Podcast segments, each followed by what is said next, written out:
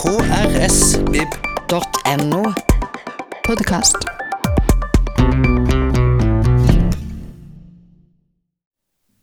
Velkommen igjen til Klassikerklubb. Forrige gangen så var det Wergeland, en eh, tidlig 1800-tallsklassiker. Og nå er det, skal vi lenger ut på 1800-tallet, stemmer ikke det, Miriam? Jo, nå er det Christian Krogh. Uh, han er jo født uh, sånn rett etter Wergelands død, uh, og døde i 1925. Og vi har lest Albertine, en roman som kom ut i 1886. Og som var en sånn, eh, hva skal vi si da, en eh, kompanjong, holdt jeg på å si. Jeg kommer ikke på ordet, men gikk parallelt da med at Christian Krogh malte det store eh, maleriet Albertine i politilegens værelse, som er jo utrolig kjent, ikonisk eh, maleri fra denne perioden. Så da handler det om realisme, rett og slett. Skitten realisme. Det, ja, skittenrea... Ja, det, det er jo uh, det, det, Den triste realismen, kan vi kanskje si. Skittenrealismen kom vel på Ja, sånn, ja, det er et poeng. 90-tallet, er sånn, men poeng. Strengt tatt. Strengt tatt. Men det er, det er Men at det er sosiale problemer. Det Det er prostitusjon, og det er liksom hele de Ja. urbane problemene da, som begynner å dukke opp. Mm. De litt usedelige tingene som plutselig blir snakket om og trukket frem. Den ble forbudt, da ble den ikke? Den romanen. Jo. Den ble forbudt, Mm. og vi har vel også en utgave av romanen hvor denne forsvarstalen til Christian Krogh som han holdt i Høyesterett, er trykka. Og, altså, Mm. dette var en stor sak i uh, Krogs samtid. Så absolutt en eh, klassiker som man bør se litt nærmere på. Absolutt en klassiker, og jeg vil jo si veldig lett tilgjengelig, og sånn et liksom Nesten som sånn utropstegn etter eh, begrepet realisme. For det er liksom sånn Hvis du har sett på det maleriet, og du har lest litt om Krogh, og du leser den romanen, så får du på en måte veldig mye av den tidsepoken, da. Et 1880-tallsbilde. Liksom. Ja, Og kanskje lettere språklig tilgjengelig enn Wergeland uh, var. Ja, absolutt. Altså, selve boka er jo mye kortere, og den, ja, den føltes ganske sånn lett å leve seg inn i, syns jeg egentlig. Eh, litt sånn repeti repetitiv innimellom, men ja. Veldig lett Ja. tilgjengelig roman, egentlig. Mm. Eh, med et veldig sånn enkelt, eh, lettfattelig eh, budskap, kan vi vel kanskje si også. Mm. Det er ikke han, sånn han hadde en agenda med den boka. ja, liksom. det er en roman med en agenda. Det er, ikke, det er ikke enormt mye undertekst her, liksom. Det er på en måte bare å vise dette livet i all sin gru, kan vi Mm. vel si. Men det er jo spennende sånn, altså Det er jo fint å på en måte få den bakgrunns, eh, det bakgrunnsstoffet da, til, eh, til bildet, syns jeg. Mm. Det var, det var veldig spennende å høre eh, Frida Forskeren, eh, Mm. kunsthistoriker, presentere de her maleriene når du hadde lest eh, romanen. Mm. Eh, Skal, ja. vi, skal vi gi ordet til Frida? Vi kan gi ordet til Frida, det er fint. Mm. Dette er vel tredje gang som vi har denne eh, åpen lesesirkel. Og det var vel mitt forslag også å lese Albertina Christian Krogh. Fordi at vi skal snakke om klassikere, ikke sant. Og for meg så er den, dette Altså, den boka er jo en klassiker. Kan, det kan vi kanskje diskutere, men i hvert fall maleriet, Albertinos politilegen, er jo et sånt bilde som alle har et forhold til. ikke sant? Fra, vi har vært på Nasjonalgalleriet, vi har gått på norsk skole. Ikke sant? Det er jo et verk vi bare kjenner. Uh, og så syns jeg det var litt sånn uh, interessant da, å lese den teksten og så se på hvordan han jobba parallelt med maleriene. Og Christian Krogh, jeg tenkte Nå skal jeg bare begynne med liksom en liten sånn introduksjon om Christian Krogh, og så etterpå så, så går, vi over til boka. Um, men Christian Krogh, som vi ser her på skjermen, er jo en av de mest kjente norske malerne. Altså, han er født i 1852 og dør i 1925, så har et langt liv og er en sånn nestor i norsk, norsk malerkunst. Og her ser vi han på atelieret i, i voksen alder. Um, han er jo dette bildet her er jo det vi skal snakke om maleriet, som vi skal komme tilbake til, er jo en veldig sånn storslått, monumental komposisjon som han lager i 85, eh, 1885, 1887. Um, som regnes jo som liksom, hva skal man si, et sånt ikonisk verk i, i norsk kunsthistorie. Det er jo over to og en halv ganger tre og en halv meter. Det er jo kjempemonumentalt og stort. Og har den herre skal man si, den derre evnen til liksom bare dra inn betrakteren, hvor måten, han bruker liksom perspektiv inn i bildet, hvordan han liksom får deg inn i bildet. da. Um, Christian Krogh er jo utdanna i Norge på den tiden da det ikke finnes noe Det finnes jo ikke noe norsk kunstakademi før i 1908-09. Så han må jo reise til utlandet og studerer eh, ikke i København, sånn som mange gjorde, men han dro til Karlsroe. Eh, og slo seg ned der og studerte hos tyske mestere. Eh, og senere i Berlin. Og ser man liksom på hvem han var opptatt av, så er det Erik Wernskjold, malervennen hans. Han sier at Krogh han var mest opptatt av Courbet. Av Courbet med hvem han møtte sine samfunnsreformatoriske tendenser. Og av Manet, da. Edvard Manet, som påvirket ham sterkt rent malerisk.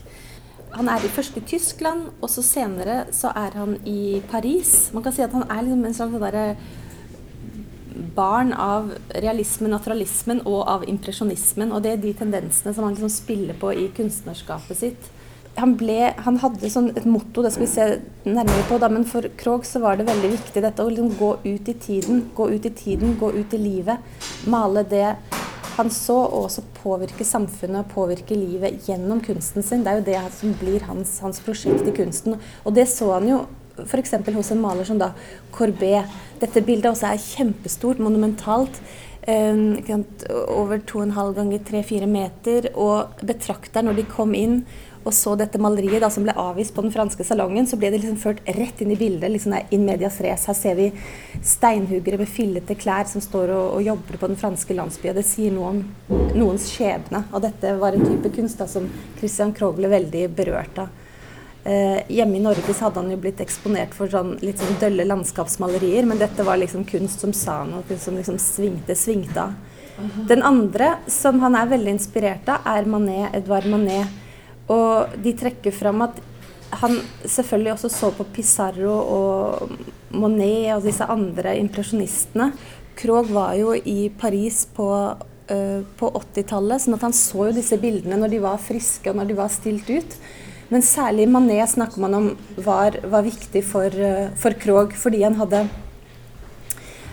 kan si det, han, han er ikke så lysskimrende, lysmetta, som f.eks. Manet, som jo maler, dekker bildet med, med, en type hvit ferniss. Men Manet har en mye dypere, tyngre modulering som han, som han bruker. Og dette er jo et, et motiv da, som også appellerer veldig til, til Krog med denne, denne fokuset på denne akten som, som, byr seg frem, og kontrasten mellom tjenestepiken og denne, denne pure akten.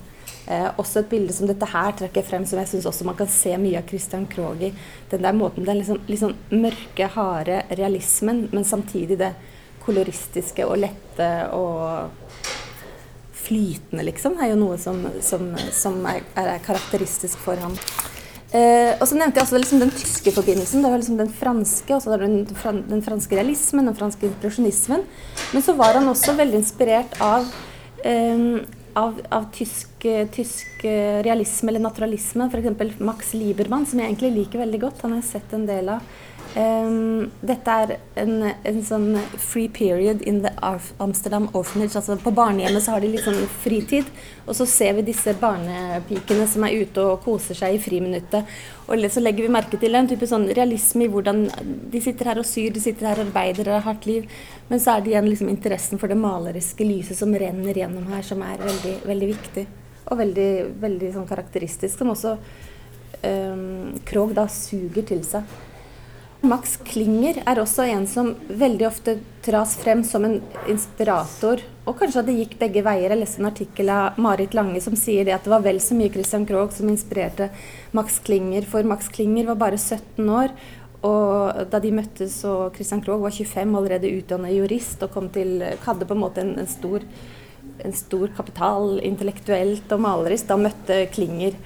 Um, men i hvert fall så det spennende her er liksom hvordan Christian Krogh kommer liksom fra Kristiania til, til, Berlin. Først Karlsruhe til Berlin, så reiser til Paris. Møter disse, disse, malerne og møter de stemningene og strømningene i tiden som er jo realistiske, naturalistiske, samfunnskritiske. Han leser Emile Zola, og han uh, møter uh, Georg Brandes i København f.eks. Så han, han, han ja, befinner seg plutselig på kontinentet og begynner å male eh, en veldig veldig annen stil enn vi ser i Norge på denne tiden. Um, jeg tok med dette bildet, som er jo hans, et uh, maleri han har kalt 'Bohemer', som viser da Edvard Munch og Constanse Brun, Kalle Løken og Oda Krog, som han kommer til å gifte seg med, Oda Lassen Krog, som jo viser en, en, en scene fra et bohemsk hjem da i Kristiania. For eh, når Christian Krogh kommer tilbake til Norge eh, i Kristiania, så slår han seg ned i Kristiania, som sagt, og da begynner han å vanke i dette bohemmiljøet med intellektuelle, med kunstnere og kritikere. Annet Hans Jæger blir jo veldig viktig i denne, denne kretsen. Um, her ser vi han portrettert av Munch. ikke sant? Og han ligger jo som en sånn inspirator blant, bak denne boka her som vi har lest. ikke sant? Han har jo denne ideen om at man skal skrive sitt eget liv, og man skal være en sterk kritisk røst i, i samfunnet. Og kritiserer jo Christian Krogh for at han ikke er naturalistisk direkte nok da, eh, i sine skildringer. Han sier et eller annet sånn om at i Albertine-studien så var han jo ikke der det skjedde. Han står i atelier og komponerer det, men han var der jo ikke. Det er det man skal. Man skal liksom være der og se det og føle det og skildre det. Det er liksom eh, Jegers idé. Men tilbake litt til den her kretsen, så er det jo i den, den bohemske kretsen at Christian Krogh kommer, kommer ut og begynner å, bli, si, begynner å bli en moden maler. Så hadde jeg lyst til å lese bare et sånt sitat. Det er riktignok av Fritz Taulov. Men i norsk kunsthistorie så er det hele tiden liksom det samspillet mellom Fritz Taulov og Christian Krogh og Erik, Erik Wernskjold på slutten av forrige århundre som er liksom sentralt. Det er jo de tre liksom pionerene vi har. Og så bruker vi ofte å si litt sånn, litt sånn altså, liksom, vi sier at liksom, Fritz Taulov han er opptatt av liksom, kunsten for kunstens egen skyld. Han er opptatt av det maleriske og det vakre og sånn. Og så er det Christian Krogh som er liksom, opptatt av kunsten for livets skyld. Han skal male livet, han skal gjøre Kunsten skal være sånn brekkstang som man kan endre samfunnet med. Um, og så er det uh, Fritz Taulov som sier Han sier at han forteller liksom at de kommer hjem, da, for Fritz Taulov har også vært i Paris, vært i utlandet, og så sier han så kommer de hjem. Og så erklærer de da disse Düsseldorferne krig. Düsseldorferne det er disse kjedelige landskapsmalerne. Han sier vi erklærte Düsseldorferne krig.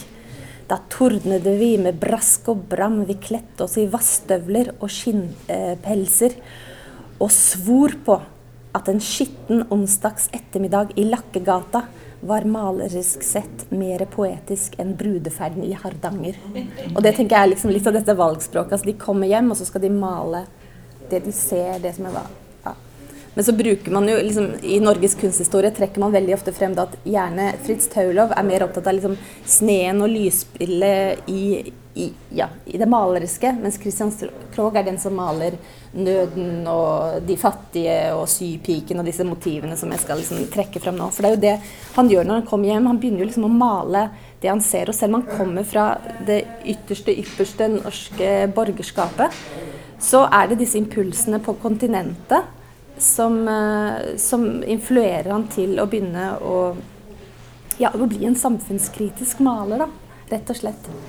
Og i denne eh, Det han gjør, er jo ganske sånn sterke ting. Altså, han lager jo rett og slett et kunstnerisk manifest. Han snakker i Det er to tekster som er veldig sentrale i hans estetikk. Det er den som heter 'Den bildende kunst som ledd i kulturbevegelsen'. Det er et foredrag han holder i 1886, og så er det det ene fornødne i kunsten i 1888. Og der sier han veldig veldig tydelig at man skal male sånn at kunsten griper alle mennesker. Ikke bare noen få fagmenn og raffinerte samlere, men den skal gripe alle. Og så stiller han da dette retoriske spørsmål Men skal vi da lage publikumsbilder? Skal vi male for den store hob? Ja, du skal male slik at du griper og rører og forarger og gleder den store hop nettopp ved det samme som har gledet og rørt og forarget eller grepet deg selv. Ikke sant? Det er en sånn type Du skal fange de, de følelsene, du skal fange Ja, du skal speile det, du skal liksom smitte noe med den energien. Og så skal du først og fremst male sant. Du skal male skjærende sant og ubehagelig sant. Du skal ikke flikke på sannheten, du skal male det du ser. ikke sant? Og det er jo det han setter seg fore i dette prosjektet med å, å male Albertine. Han er jo inspirert av en eh, sann historie. Han har hørt om den sypiken Albertine i den kretsen han vanker i, i bohemkretsen blant modellene. Og så begynner han da å bestemme at han skal male disse sosialrealistiske bildene sine. Og dette er jo midt i naturalismen. ikke sant? Man, er, man, skal male det man ser, man skal male sant. Man skal male for å kunne endre samfunnet. Men da må det være skjærende sant. Og hvis vi ser liksom bare litt sånn på historikken der jeg fant Det var på forskning.no så var det noen fine artikler om datidens virkelige albertiner. Og dette er fra Rødfyllgata på Vaterland, og det var en av de gatene i Kristiania hvor de prostituerte var pålagt å bo. Eh, prostitusjon var jo forbudt, men likevel så var det liksom det, myndighetene tillatt det ved å kontrollere, kontrollere, det. ikke sant? De ble undersøkt gynekologisk sånn at ikke smitte skulle spre seg. Og så bodde de i visse deler, og så var det noen private bordell og noen offentlige eh, bordeller. Men dette var, var, var kontrollert. Og det er jo dette på en måte at borgerskapet benytte seg av prostitusjon mens det var uh, forbudt, men samtidig tillot det. Altså denne dobbeltmoralen, det er jo det han vil til livs i denne boka. Og her ser vi um, på en måte sånn type miljø som en som heter Syversen, hun bodde her i nummer fem eh, i denne Rødfyllgata. Og hun var da sypike og uh, skjøge. Her er et bilde av henne. Det er fra politiets register. For alle prostituerte i Kristiania ble da fotografert og hadde et nummer, sånn at man visste uh, hvor de bodde og hvordan sykdommer de eventuelt hadde. Ikke sant? Det var et sånn, ganske sånn kynisk register. Så dette er på en måte sånn en ekte Albertine, um, Marte Marie Syvertsen, som da døde bare 46 år gammel. I, ble funnet i Akersgata. Hadde jo en grusom, grusom skjebne.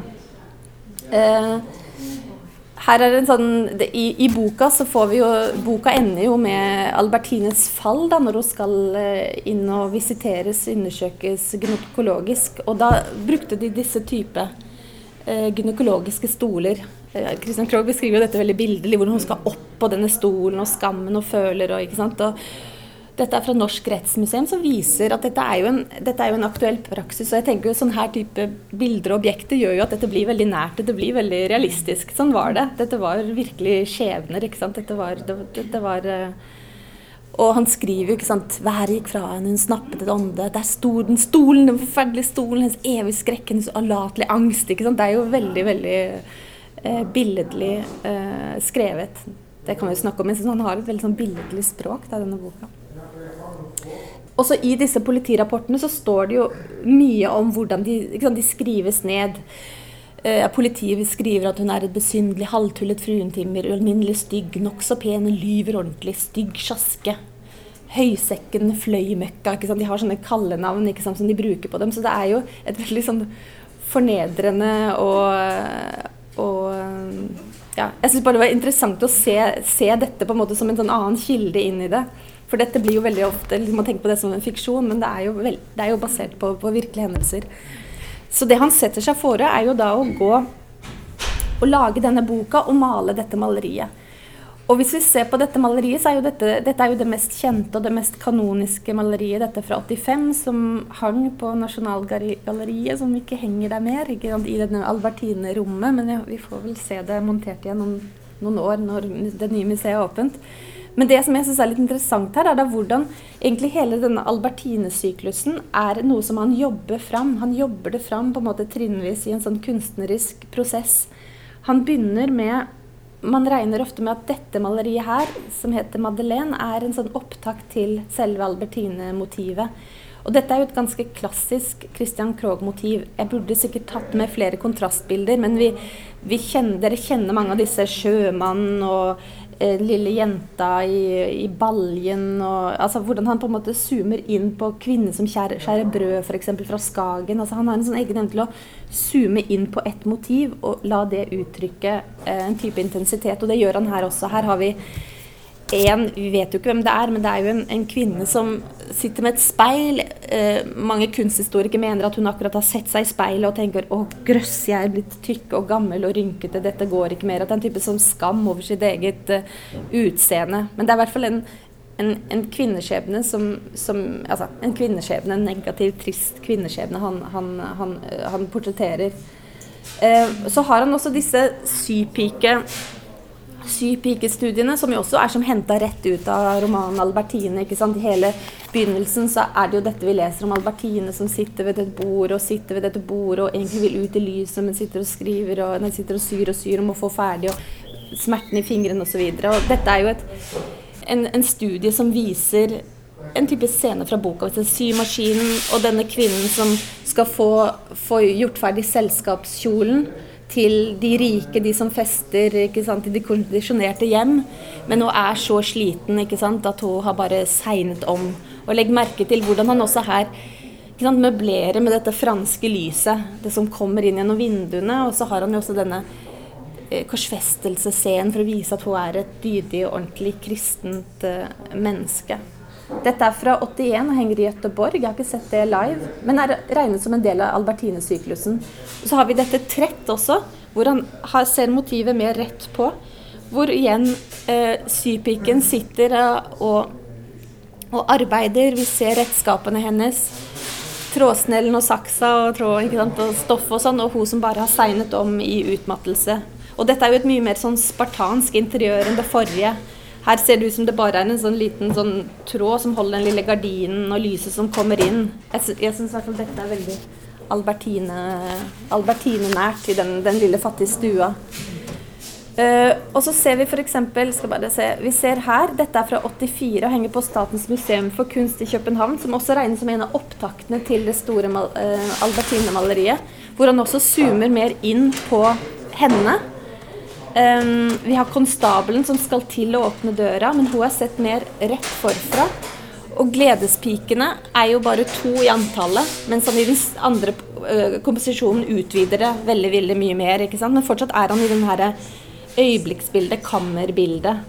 Um, Christian Krogh er kjent for at han brukte fotografiet veldig mye når han komponerte. Snapshot-estetikken. Få et sånn øyeblikksbilde. Um, og det kan vi ofte se tydelig i disse maleriene her, som er veldig sånn nært på og, og, og ja, kort på.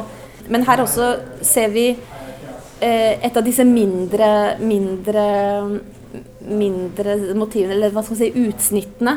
Vi ser jo at det er på en måte det samme, samme temaet. Det er Albertine med skautet som er knytt godt, og det er hun er liksom hva skal man si, enklere kledd osv., men så er det den prostituerte da, med fjær i hatten og disse krøllene og panneluggen og den der, det han kaller for løytnanten. Jeg skjønte ikke helt det, men det der de bygger opp denne rumpa med. Vi ser at hun står liksom, liksom for det Å, hva skal du her, Albertine? ikke sant? Det der Igjen også en ganske sånn sånn in medias race-komposisjon. Du kommer liksom rett inn, og du ser rett på hennes skam. liksom, og så Legg merke til det tunnelsynet med disse cellene eller hva det er bakover, som liksom drar deg innover i bildet. Så jeg synes Det er interessant å se liksom opptakten her, hvordan han liksom jobber fram dette motivet liksom via disse karakterene. Han nesten lager en hel sånn, lager noveller, nesten. hvis kan si, Maler noveller. Og Her også syns jeg er kjempefin. Den, den er her i Kristiansand, for Kristiansands billedgalleri. Den kan ikke jeg huske jeg har sett heller, men den er vel nå deponert borte på Skmu, da? Er den det? Mm. Ja, For den bodde her før også, ja. Men legg merke til, her er det også sant, et forhør, en formaning. Her er det mammaen, da. Eh, som da spør Albertine hva er det du driver med, hvor skal du, hva er det som skjer, ikke sant. Og igjen også hvordan han får til det der lille sånn kammerspillet eller kammerdrama mellom de. Han holder i en hånd og hun som ser ned, og den konfrontasjonen mellom den, den gamle og den unge, ikke sant, som også er veldig fortetta. Og her også portrettet bak en sånn adelsmann.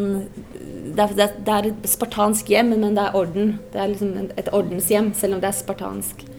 Um, og dette siste her syns jeg er også kjempeinteressant. Dette er jo selve Jossa, som er en uh, som jo er også i boka, som er jo hun prostituerte, som Albertine henger med på Karl Johan. Som er eh, et uh, portrett da, av en virkelig prostituert som Christian Krogh uh, malte. Også for å liksom komme helt nært, helt dypt inn i, inn i denne skjebnen. Dette er jo et sånn utrolig slående vakkert portrett. Jeg synes det er så ja, fantastisk hvordan Jeg tenker her ser vi veldig tydelig den herre franske, den der mané-klangen. Det derre tunge, tunge, sorte som ligger der. Liksom de øynene som funkler og det derre ja.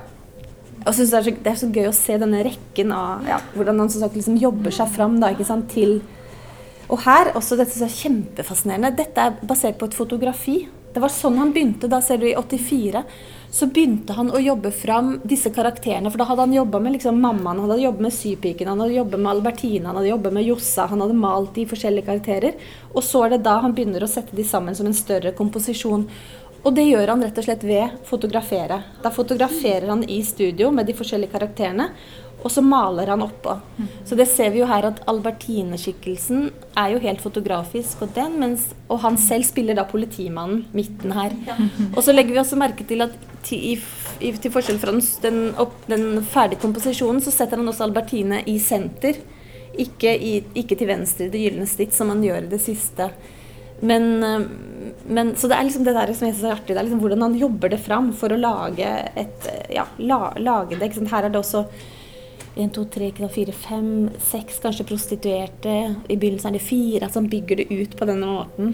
Og så ser vi veldig tydelig hvordan han, han jobber med lys, skygge. Han jobber med, ja, jobber med fotografiet som, som, virkemiddel. Så når vi da går på Skal vi se, det der tenkte jeg vi skal, skal bare gå tilbake til det hovedmaleriet hans, så er jo det det Der ser vi jo ikke sant, at det er blitt en, en mye, mye videre, mye, mye, mye mer kompleks komposisjon. Albertine er jeg husker når jeg så dette bildet sånn, for mange år siden, så skjønte ikke jeg at det var henne som var hovedpersonen. For det er jo ikke så, han skjuler jo det, på en måte. Det må du liksom gruble deg veldig langt frem til. Men han setter jo henne i det gylne snitt, altså der hvor grekerne mente at en linje delte seg mest perfekt. altså der, liksom der borte. Og så lar han jo senteret, eller midtpunktet i bildet, være dominert av disse veldig vågale og ekstravagante prostituerte. Og hvordan liksom alle blikk, hun som står på stolen der, alle blikk er Når vi begynner å følge det, så ser vi jo hvem som er i, i søkelyset her. Og det er jo den skamfulle Albertine som skal inn til denne visitasjonen. Og så jobber han jo sant, som en sånn glimrende kolorist med å sette disse rødfargene opp mot det grønne for å skape de der komplementære kontrastene.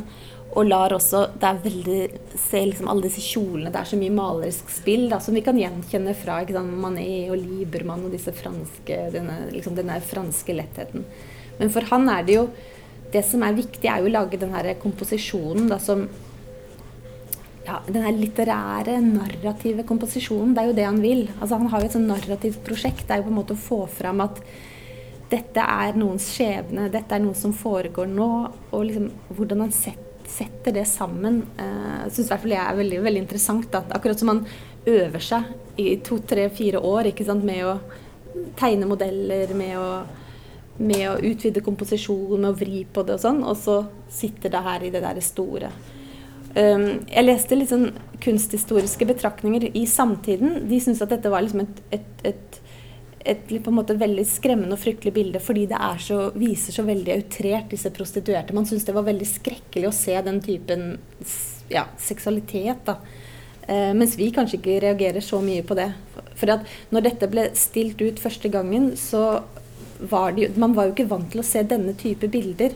Som jeg sa, så er det jo 2,5 ganger 3,5 meter, så det er jo enormt. Så når du, når, du, når, det, altså når du, møtte det bildet, så var du jo like stor som figurene. Så det der å, å komme liksom inn i en sånn scene virka veldig sterkt. Og de sier jo det at det var et utrolig, utrolig populært bilde. Altså Folk kom i tusentall for å se det. Det ble vist eh, først i Kristiania, og så ble det sendt på turné til Malmö til Stockholm. I København ville de ikke vise det, for det var så kontroversielt. Og det, Christian Krogh dro, ned dit flere ganger for å på en måte selge det inn, men de ville ikke ha det. Og så dro det på turné, så det var til og med her i Kristiansand. Ble vist her i 1887. Syns jeg var litt artig. Jeg prøvde sånn desperat å se om jeg fant noen reaksjoner på det. Jeg fant ikke det, men det fins jeg vet ikke. Men i hvert fall visst i Bergen og Trondheim og, og Kristiansand også. Så det sier jo noe liksom om både hans skal si, hans viktighet, hans storhet som maler, da, at han hadde sånn gjennomslagskraft, men også dette maleriets veldig, veldig, veldig ja, det, det, det, er jo et helt fantastisk maleri.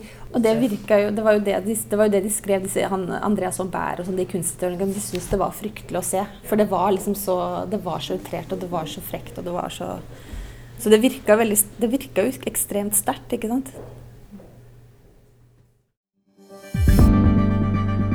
Flere podkaster fra oss finner du på Google Podkast, Apple Podkast eller iTunes, eller ved å stikke innom vår hjemmeside på krsbib.no.